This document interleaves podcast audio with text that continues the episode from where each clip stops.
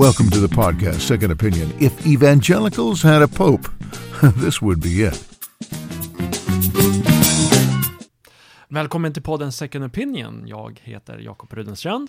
Och jag heter Olof Edsinger. Det har ju precis varit påsk, Olof. Hoppas att du har haft en, trevlig ledighet. Jag har haft en jättefin påsk faktiskt. Påsken är ju den kristna kyrkans absoluta höjdpunkt. Det är ju då som Gud i Jesus dör för våra synder, tar på sig all världens skuld och eh, dör på korset och sen uppstår eh, fysiskt till härlighet för att, eh, för att manifestera att döden är besegrad. Och det här är ju någonting som har som den kristna kyrkan i alla tider har trott på och som är väl värd att fira. Ja men verkligen, det är ju själva grunden och, och egentligen kärnan i hela den kristna tron. Det firar vi varje år. Mm. Och just i år så inleddes Stilla veckan på ett väldigt intressant sätt. Eh, nämligen i form av ett, eh, en mirakeldebatt, kan man kalla det, i Dagens Nyheter, där krönikören Maria Chotenius efter att ha lyssnat på en radioandakt i Sveriges Radio där en präst eh, tolkade och förklarade Jesu brödunder på ett symboliskt och metaforiskt sätt, alltså att det aldrig hade skett ett faktiskt brödunder. Och eh, Chotenius utifrån detta drog slutsatsen att eh, uppståndelsen eh, bland många präster i Svenska kyrkan ska också förstås metaforiskt och symboliskt. Och hon efterlyste att man skulle mm, tala ut vad egentligen man menar med Jesu mirakel och Jesu under. Eh, är det någonting som har hänt på riktigt? Ska man, eller ska man bara förstå det på ett symboliskt sätt? Det här var ju ett väldigt uppfriskande inlägg från, på, på en sekulär tidning om Eh, just några, några av de saker som hör till den kristna trons kärna, alltså Jesu uppståndelse från de döda.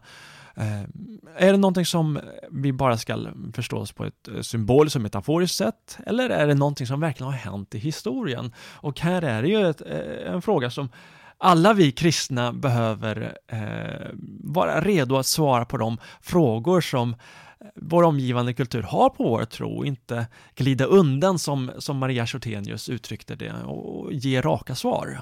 Eh, ja, nej men precis, och det är ju dels roligt och uppfriskande att, att det här får diskuteras också i Dagens Nyheter. Eh, men det sätter fingret på just det här som är kärnan i den kristna tron och någonstans så är det nog ändå så att de flesta inser att, att det finns en, en stor trovärdighetsfråga här. Att, mm. att om kyrkan på något vis svävar på målet kring det här som är just själva centrum, det stora undret par excellence verkligen. Mm. Om, om vi, vi svajar där, då, då, påverkar det trovärdigheten för hela det kristna budskapet. Mm. Uh, och uh, där kan man väl ändå säga att Ante Jackelén som ärkebiskop har uh, det är ju fint att hon har gett sig in i, i det samtalet mm. och det är ju på ett sätt nödvändigt också. Mm. samtidigt kan man väl lite grann tycka att det är fortfarande lite lite brist på tydlighet kring vad man egentligen vill få sagt. Det är mycket som är, är uppbyggligt och sant i, i också det som Antje lyfter fram. Men Eh, men jag kan väl också känna att lite grann här äh, svävande eller oviljan att, att mm. riktigt vara var tydlig i alla detaljer, den, den präglar också det här samtalet. Mm, bara för att backa lite grann, i sitt svar som publicerades på påskdagen så, så svarar ju ärkebiskopen på Maria Chotenius artikel. Och I sin artikel så, så vänder hon sig mot det som hon kallar för en uppdelning mellan det objektivt fysiska och subjektivt symboliska. Och här uppfattar jag som att hon svarar egentligen på andra frågor än, än de som Maria Chotenius eh, efterfrågar.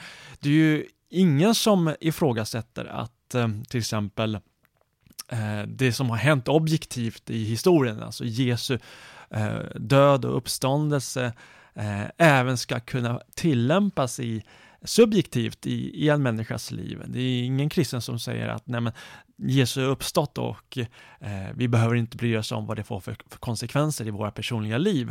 Eh, att Jesus är Herre och besegrar döden och att han är Guds son eh, och eh, hans uppståndelse så, som, som bekräftar alla de anspråk som han har haft om sig själv eh, Eh, bekräftas ju av eh, uppståndelsen. Det måste ju tillämpas subjektivt av, av, av, varje enskild person. Men det är inte det som Maria Chotenius undrar över, utan hon, hon frågar ju om det är så att miraklerna och i synnerhet Jesu uppståndelse är någonting som bara har skett i, hos en människas innersta, alltså att Jesus har uppstått i, i våra hjärtan bara. Eller om det faktiskt är så att Jesus är uppstånden fysiskt från de döda, om det, om det är det som är eh, kyrkans undervisning. Sedan eh, är det ju så att ingen ifrågasätter bland, bland kristna att, att miraklerna samtidigt som de har skett objektivt i historien, att man också ska kunna förstå att Jesus har makt över, mm, över, över alla omständigheter i livet. Man ska kunna också tillämpa det i ens personliga liv. Ja, nej men precis. Man kan ju ta exemplet med, med hur Jesus går på vatten. Att, att det finns naturligtvis någonting i den berättelsen som skildrar hur Jesus besegrar kaoskrafterna och på något vis mm. också stormen i mitt liv så att säga kan, kan Jesus stilla. Mm. Och det tror ju jag med. Det skulle jag säga att de allra flesta kristna skulle hålla med om.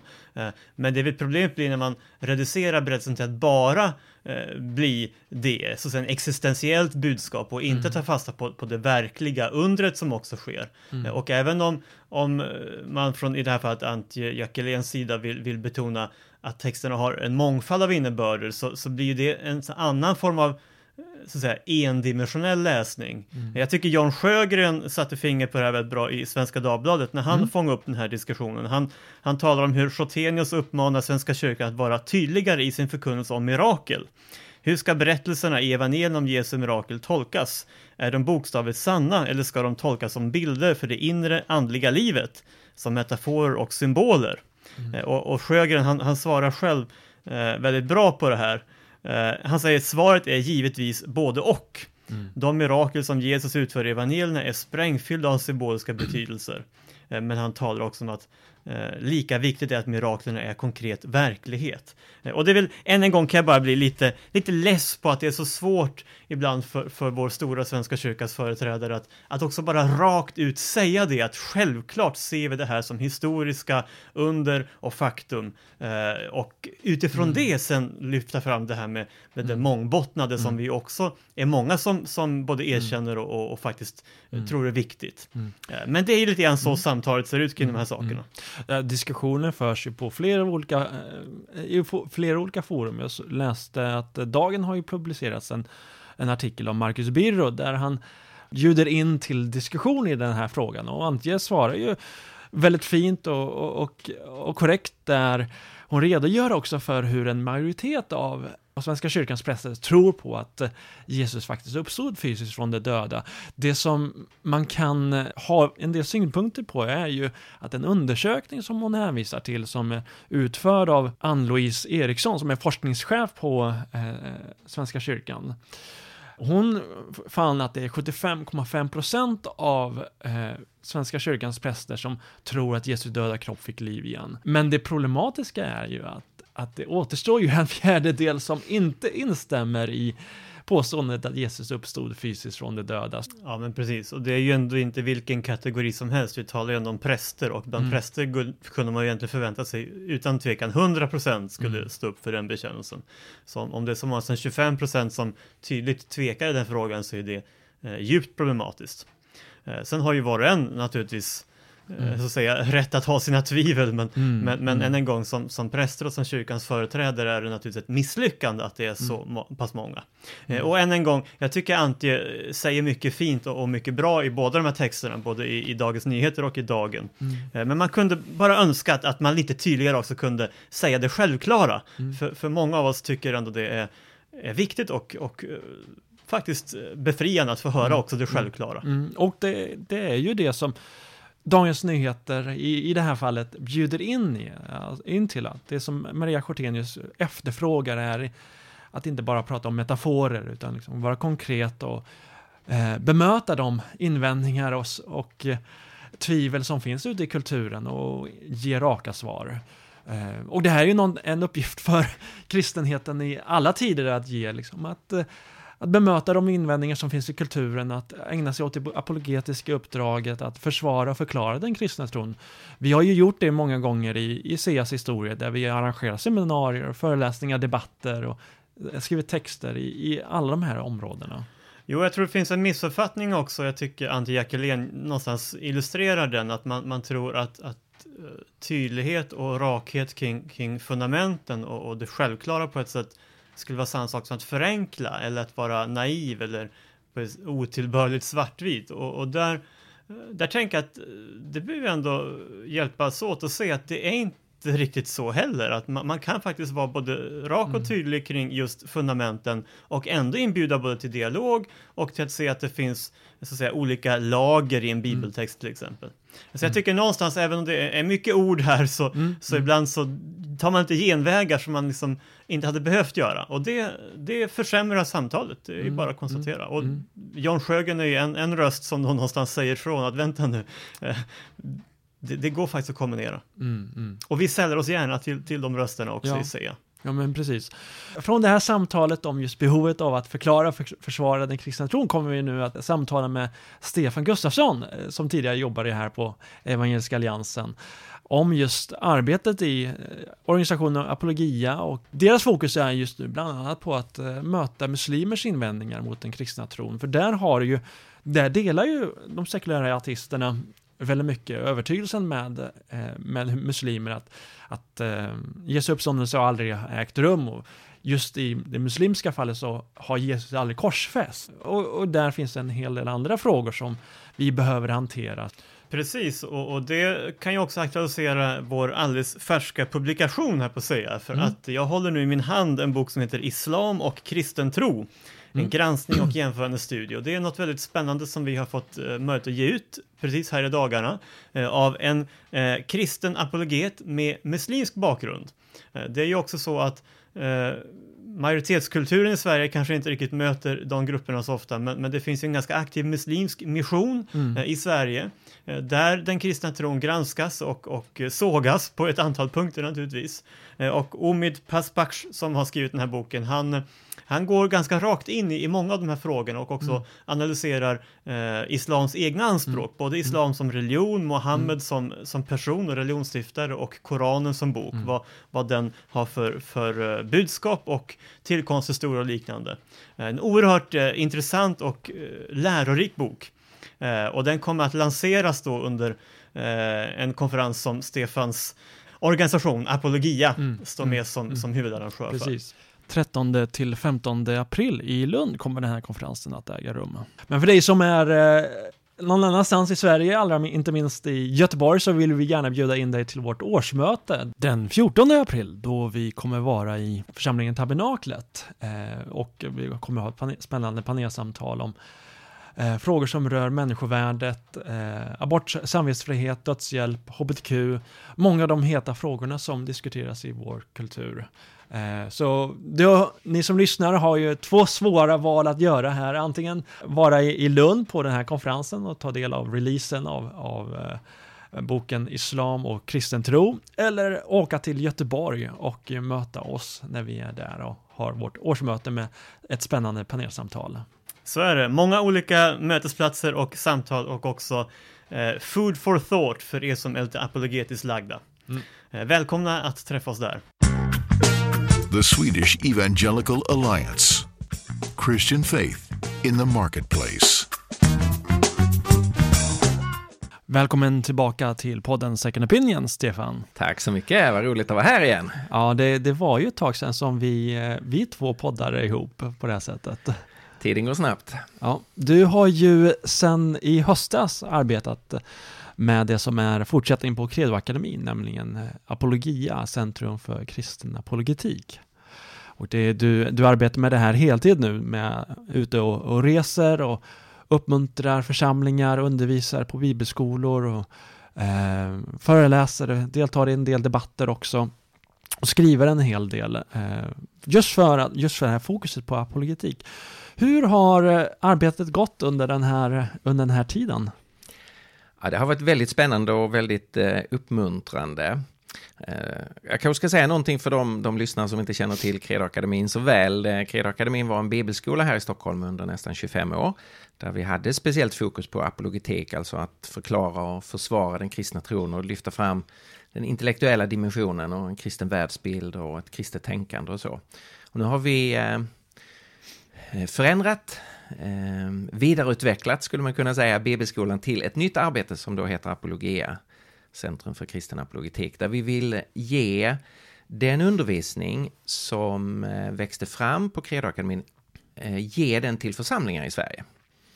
Vi, vi har känt eh, eh, att det här är så viktigt och det finns så stort behov av det. Och det är ändå relativt få människor som kan flytta till Stockholm och, och mm. studera under ett helt år.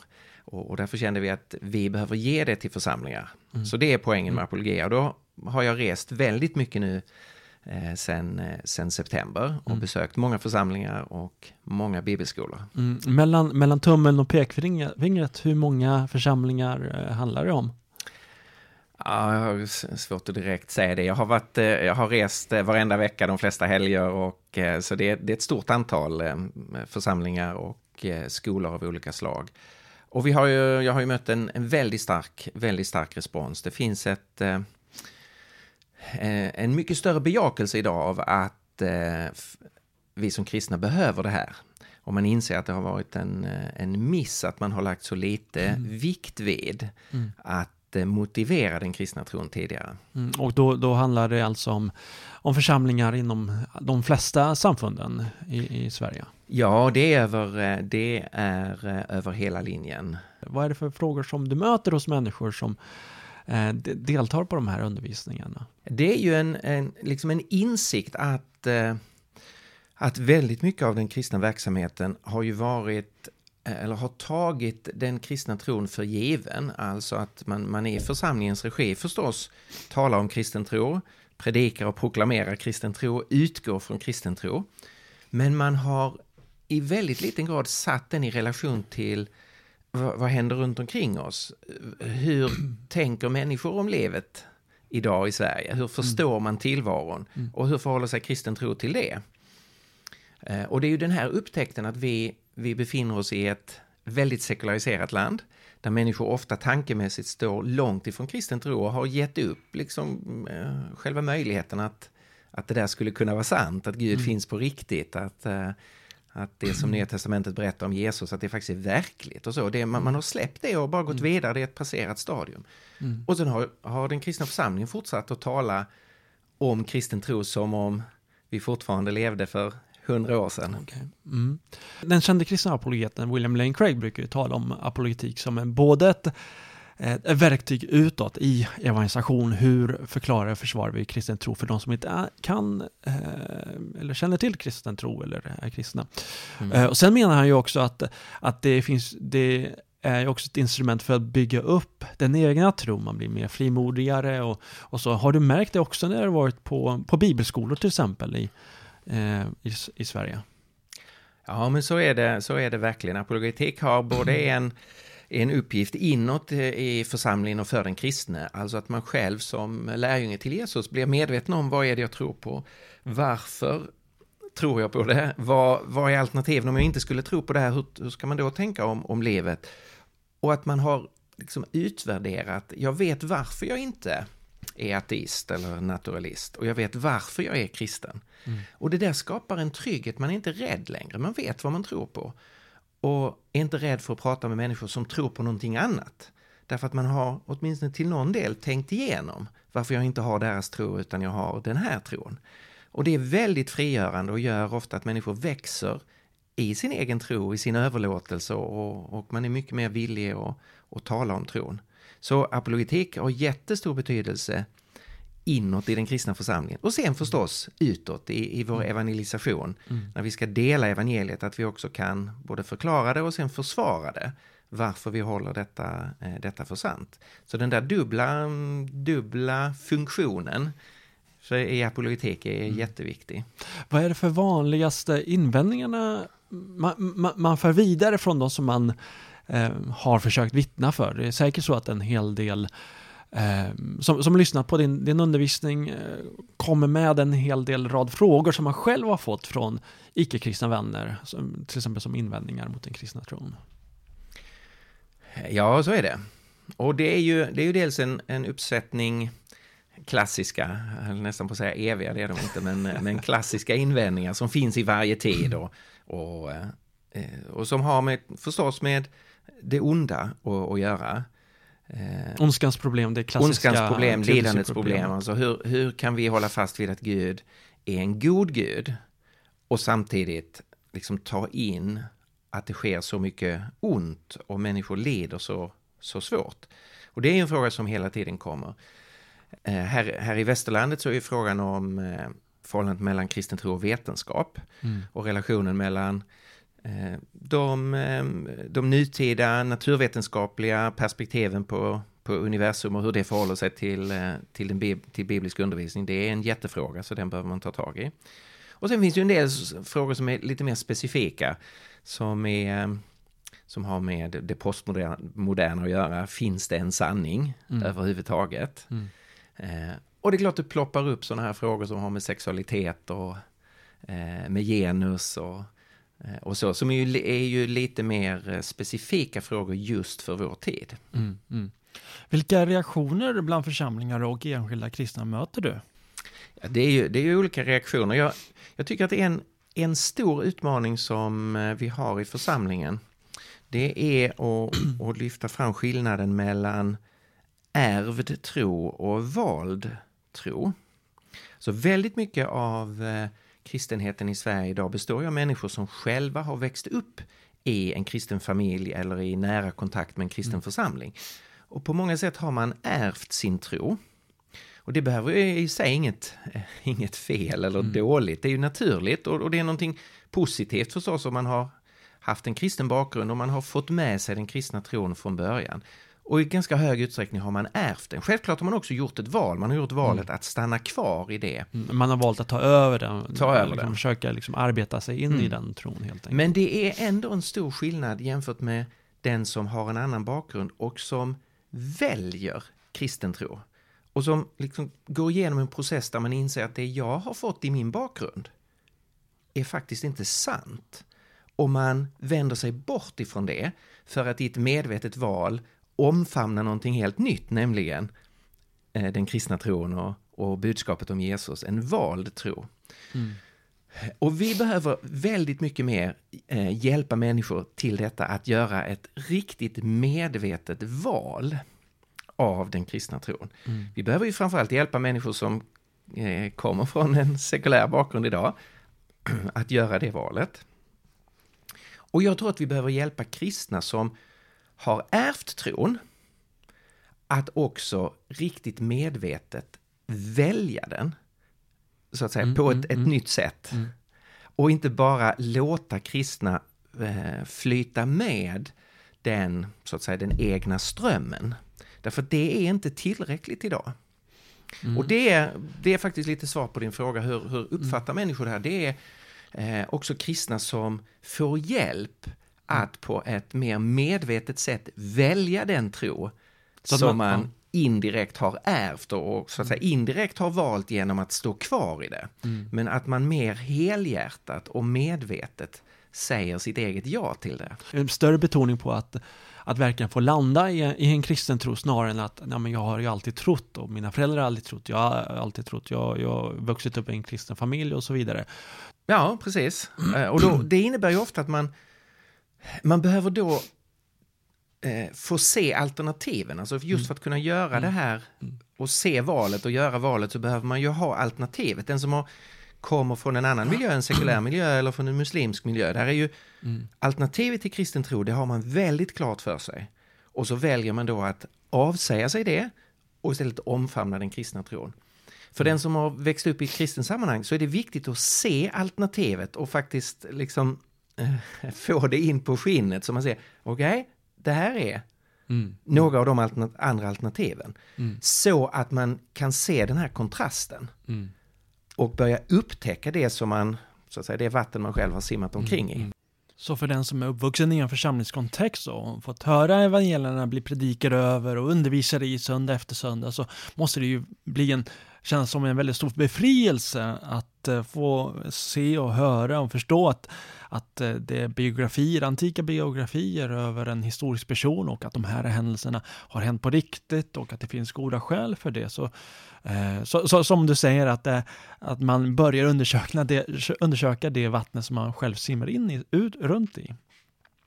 Tidigare så, så var du ju inne på det här området om att vi håller på att röra oss från en kontext där vi försöker att vinna människor och behålla människor som har haft en ärvd tro eller vuxit upp, upp i en kristen kontext till att vi nu behöver eh, möta människor som eh, aktivt behöver välja sin tro. Att först undersöka den kristna tron, eh, få sina invändningar bemötta och eh, se hur eh, se hur den kristna tron är sann och håller ihop.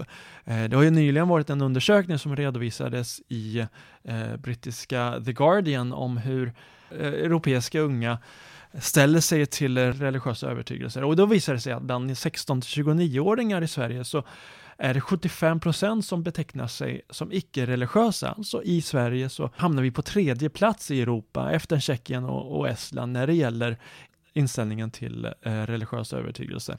Så det vi ser är ju att, att en nominell kristen tro, att namnkristendom håller på att försvinna. Men vi har ju också många muslimer i, i Sverige, inte minst genom den stora invandringen så befinner vi oss i en helt ny situation med eh, människor av muslimsk bakgrund och mm. muslimska övertygelser i Sverige. Och ni eh, arrangerar ju en konferens just om eh, kristendom och islam. Kan du berätta lite grann om, om, om bakgrunden till den konferensen? Ja, det är just den stora förändring av, eh, av Sverige som vi är inne i. Att, eh, att eh, antalet muslimer ökar väldigt påtagligt. Så vi har, har nu många människor här som har en helt annan förståelse av tillvaron. Och det blir jätteviktigt för den kristna församlingen att både lära sig förstå hur, hur tänker, hur tror en muslim och lära sig relatera till muslimer. Och vi är ju kallade som kristna att älska vår nästa. Och därför måste ju den kristna börja fundera igenom hur kan jag älska de muslimer som på olika sätt har, eh, har kommit hit och som nu är eh, som nu är eh, min nästa. Och vi som kristna här i Sverige, vi har ju ingen liksom historia av att relatera till islam och till muslimer. Vi har sänt iväg vissa missionärer, så finns ju enskilda individer som har mm. den kunskapen och erfarenheten. Men församlingen generellt är ju alldeles blank här.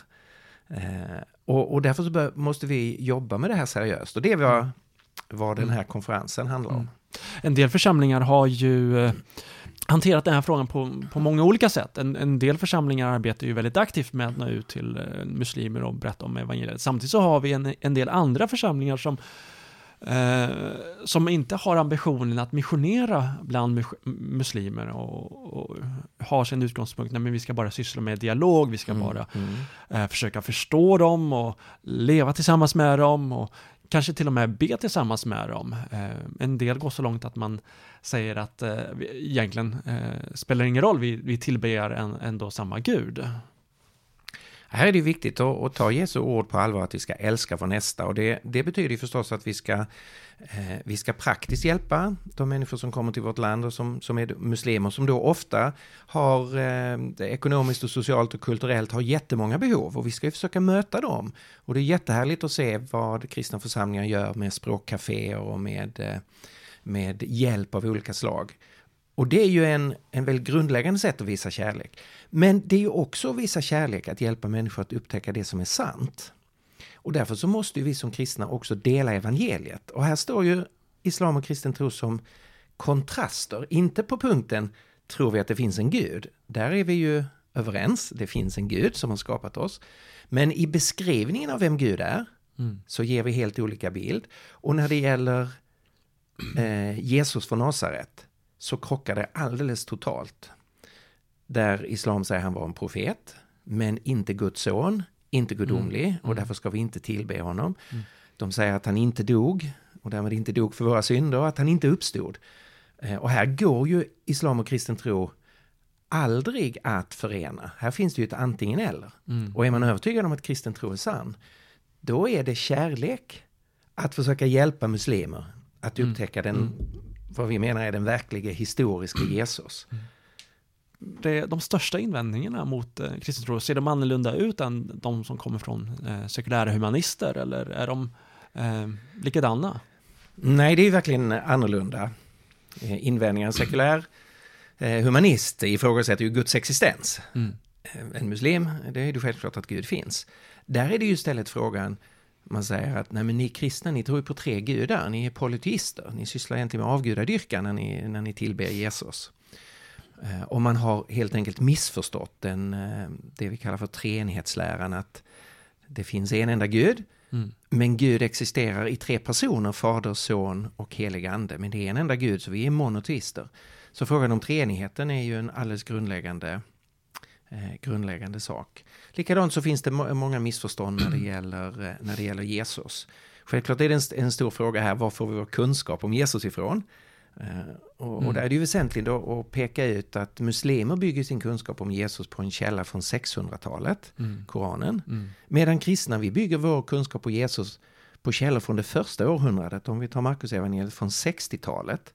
Så, så det är klart att rent historiskt så är här ju en enorm skillnad. Ska vi lita på vad texter från 60-talet säger om Jesus eller ska vi ta in det som källor från 600-talet säger? Mm. Eh, Så här, här finns många frågor att diskutera, både när det gäller bilden av Gud, när det gäller förståelsen av Mm. Jesus, Mm. och sen får detta konsekvenser i den, den personligt så viktiga frågan om hur blir man frälst? Alltså hur kommer man rätt i förhållande till Gud? Hur räddas man undan från den här världen av mörker och ondska? Där ju islam eh, säger att eh, du ska eh, genom goda gärningar försöka balansera upp dina dåliga gärningar. De har ju vågen som en, Mhm. en bild, en symbol. Mm. Alla människor har dåliga gärningar, det ligger i en vågskål. Nu är kallelsen att börja följa de fem pelarna och göra goda gärningar och försöka väga upp sina egna eh, dåliga gärningar med goda gärningar. Mm. Och så hoppas man att Mm. Allah ska vara nådig. Mm. Eh, kristen tro här är ju helt annorlunda och säger det finns en gåva. Evangeliet är en gåva. Jesus har gjort eh, eh, har gjort rätt och har gjort någonting åt Mm. Mm. det som eh, du och jag har i vågskålen Mm. av själviskhet och, Mm. och ondska. Mm. Så här är ju frälsning, synen på frälsningen Mm. totalt Mm. olika.